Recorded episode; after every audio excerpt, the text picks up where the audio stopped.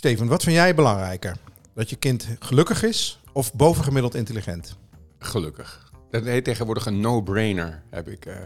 Dat is ja, echt gelukkig. Liever behoorlijk ondergemiddeld intelligent, maar gelukkig? Ja, zeker. Zeker. Ja, Denk je dat intelligentie ook een gelukbevorderende factor kan ja zijn? het, het, het, het helpt eh, wel, ehm, maar het is zeker, er zijn zoveel variabelen in het leven.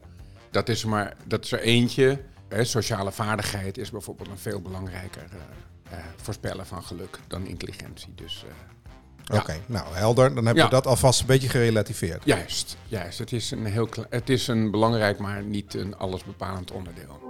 Je luistert naar de 018 Bennis en Podcast. De podcast over de ontwikkeling van kinderen tussen de 0 en 18 jaar. De podcast wordt gepresenteerd door twee vaders. Steven Pont, ontwikkelingspsycholoog en systeemtherapeut, oprichter van het internetplatform 018. En voormalig journalist Martijn Bennis, tegenwoordig directeur van het ANP.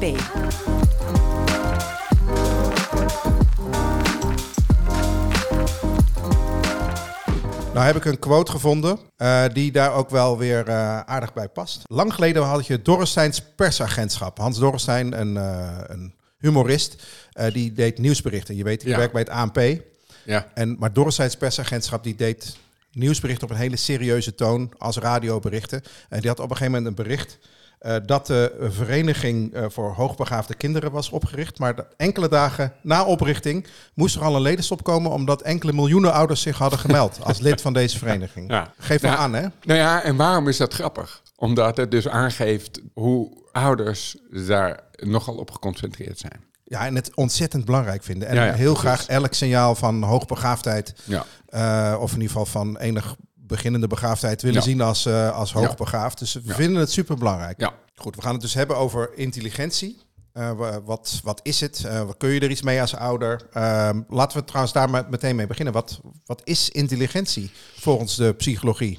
Ja, nou allereerst is het goed om vast te stellen dat intelligentie eh, een, construct, het is bedacht. Hè? Dus het is niet, ehm, we hebben een maat nodig, net zo goed als centimeter in de werkelijkheid niet bestaat. Eh, bestaat intelligentie eh quotient, hè, het IQ. En waarom is dat nou een quotient? Het idee is dat je je mentale leeftijd deelt door je kalenderleeftijd en dat keer 100 doet. Dus bijvoorbeeld, je, je bent 10, je hebt de intellectuele capaciteit van een gemiddeld 20-jarige, dus dat is 20 gedeeld door 10. 200. Dus 2 keer 100 is, dan heb je een IQ van 200. En als Dus ik dat- bij jou denk dat je, die, je lijkt wel een man van 120, dan heb je dus eigenlijk Ja. een IQ van 200. Precies. ja, Dus Ja. bij, dit geeft Nee, al aan dat het bij is- volwassenen nee, helemaal nee, niet meer kan werken. hè, maar dat was, eh, wat, wat is nou het quotient? Het was nou de, de deling, dat is wat een quotient is. Dan is dat het oorspronkelijke idee. Ja. Hè, dus in 1905 was er een, een, een Fransman, die heette Binet. En eh, bij de universiteit Stanford Binet-test. En dat was in 1905 eigenlijk de eerste intelligentietest. Dus eigenlijk wat je doet, je, je, je, je verzint een paar eh, ingewikkelde vragen. En het gemiddelde antwoord, Dus eh, wa- het, het, het, waar het gemiddelde aantal fouten zit in een test, dat noem je 100. Ja. En dat betekent dus, en daar schrikken ouders nog wel eens van, dat de helft van de Nederlandse kinderen heeft een beneden gemiddeld IQ en de andere helft heeft een bovengemiddeld IQ. Ja, Want per definitie. per definitie. Hè, dus het gemiddelde IQ noemen we 100. Tussen de 85 en de 115, daar zit zo'n tegen de 70% van alle kinderen zit tussen de 85 en de, en de 115. Maar het is dus gewoon een maat, net zo goed als je je afstand wil meten. Dat kan in centimeters, maar ook in voet, kan ook in L. En die- nu is er een IQ-test, een IQ-getalletje, dat vinden we fijn. Dus het gaat ook over je ontwikkeling. Dat geeft al een beetje aan dat intelligentie bij volwassen mensen Ja. Het gaat wel minder over je ontwikkeling. Ja. Hè? Dus, ehm, heb je daar, is, is dat bij kinderen een, een nuttig eh, getal om te weten? Nou, vooral als je kinderen. Ja, het is voor sommige, vinden, sommige mensen vinden het nuttig en anderen is wat minder. Kijk, je kan een IQ van 130 hebben. En dan moet je in principe het ateneum aankunnen. Maar motivatie, ik zei al, het is maar één van de onderdelen. Als jij geen enkele motivatie vindt, dan kom je niet zo ver met je IQ 130. Sterker nog, iemand met de IQ eh, 107, bij wijze van spreken, die zich helemaal bereid is te blubber te werken, die kan hoger eindigen op intellectuele vorming dan, dan iemand met de IQ 130 en, en, en die het allemaal helemaal niks interesseert. Dus heel veel ouders hebben natuurlijk wel het idee dat als mijn kind intelligent is, Ja. dan komt het in het leven verder. En dat is natuurlijk niet helemaal onwaar ook. Nou, maar wat is verder? Hè? Ja. Want je vroeg net al over geluk. Hè? Dus eh, ja, je, je, je, de kans dat je wat meer verdient, dat je wat hoger ingeschaald wordt, die is met een hoger IQ natuurlijk groter. Eh, misschien ook wel dat je iets gelukkiger wordt, maar nogmaals, het, is een, het leven is ook een staketsel van allerlei zaken. Nou, en IQ is daar, daar eentje van, niet een onbelangrijke, maar is er daar eentje van. Toen ik psychologie studeerde, en was het enige juiste antwoord op de vraag: wat is IQ? Datgene wat een intelligentietest meet.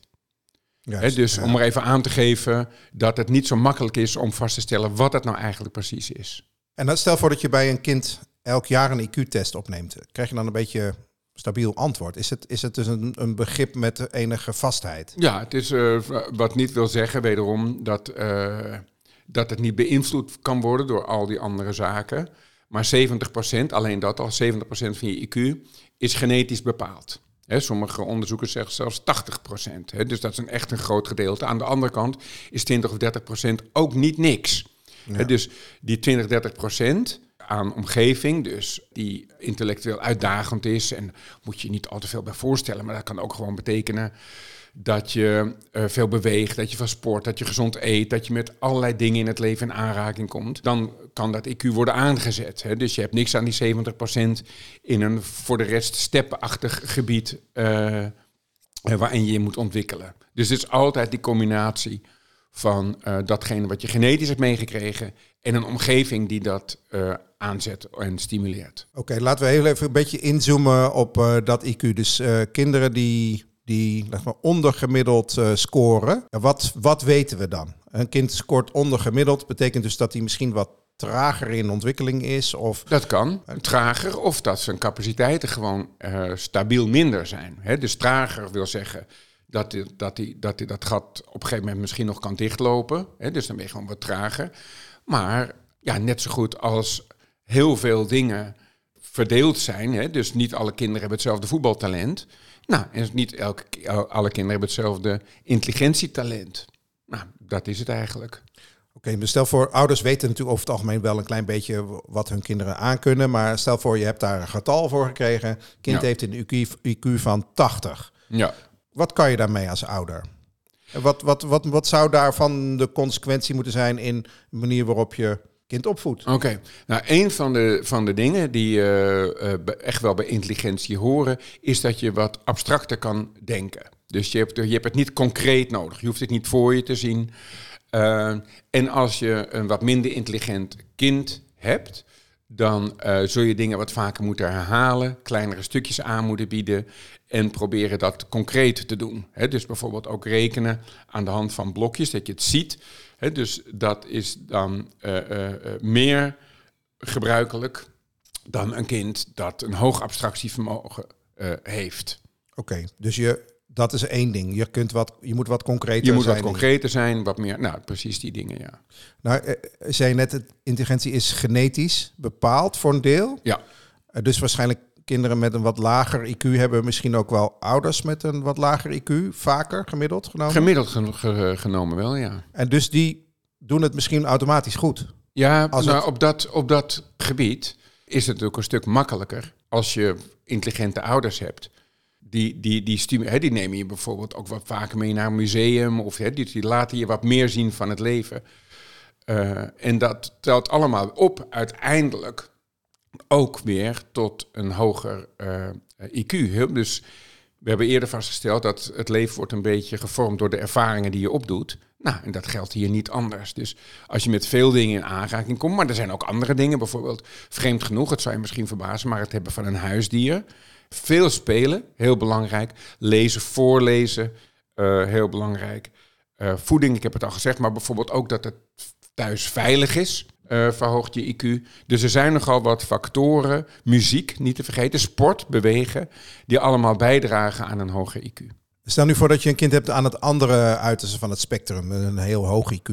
Ja. Zeg je dan, dat is een reden tot zorg of een reden om een grote taart te kopen? Allebei. Allebei. Nou, een taart te kopen.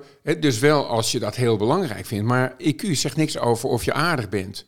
Dus het is alleen. eh, ze hebben het geprobeerd te berekenen en eh, ze komen uit dat Adolf Hitler had dan een IQ van 141. Hè? Dus het zegt helemaal niks. Het zegt alleen over dit ene dingetje iets. Dat je wat abstracter kan nadenken, maar je kan op een hele intelligente manier een concentratie kan bouwen. Dus dat zegt helemaal niets verder over het complete mens zijn. Het zegt iets- over dat eh, ene onderdeeltje. We weten ook dat mensen het met een wat hoger IQ, wat, wat ook als je nou echt een hoog IQ hebt, dat je weer vaak wat ongelukkiger bent. Omdat je dus relatief de hele dag met dommers om moet eh, gaan. Dus eh, je voelt je een beetje een standalone af en toe. Onbegrepen. Je voelt je onbegrepen. Het is een beetje, moet je je voorstellen, dat, dat, dat wij dan een dag in vierde klas basisschool een week mee moeten. Nou, en dan verliest natuurlijk de motivatie. Dat zie je natuurlijk ook wel bij kinderen met een hoog IQ, bij wie dat niet wordt gedetecteerd. Hè. Dus, en die, hebben, die krijgen bijvoorbeeld een motivatieprobleem op school. Een hoge IQ verhoogt natuurlijk het, opleidings, de opleidingsmogelijkheden. Omdat met een hoge IQ staan eigenlijk alle opleidingen voor je open. En met een lage IQ sluiten er natuurlijk ook een paar af. Dus je kunt iets meer richting geven eh, aan je leven als je, een, als je een wat hoger IQ hebt. Althans, op het gebied van intellectuele vaardigheden en opleiding. Ik heb ook wel eens gehoord dat hoogbegaafden een, een behoorlijke kans maken om te mislukken op een universiteit. Nou ja, dat zijn ehm, bijvoorbeeld de kinderen. eh, per jaar zijn er, is er een aantal kinderen dat de perfecte CITO-score haalt. Denk je, nou, dat zijn de latere professoren. En die blijken inderdaad later eh, wat vaker eh, te falen op de universiteit. Omdat ze eigenlijk doorzettingsvermogen ontberen. Op het moment dat het echt moeilijk wordt, als jij de eerste 12, 13, 14, 17 jaar, 18, 20 jaar moeiteloos er alles heen gaat, er komt een moment, dan wordt het moeilijk. En dan Maar het je zijn het wel, alles is ervaring. Of heel veel is ervaring. Dus dat je je moet hernemen op het moment dat het moeilijk is. Dat je door moet zetten. Al dat soort dingen. Eh, het AD heeft een aantal jaar geleden daar een eh, artikel aan gewijd. En spraken ze een, een jongen met een perfecte score op, of de hoogste score, of het perfect is, is dan nog maar de vraag, eh, eh, op de CITO. Hè? En die was eh, kabelsleper hier in Hilversum bij, bij de televisie. Niks mis mee. Maar niet wat je kunt verwacht. een hele gelukkige kabelsleper zijn. Maar niet wat, je, wat, wat hij, nog zijn ouders, nog de school verwachten.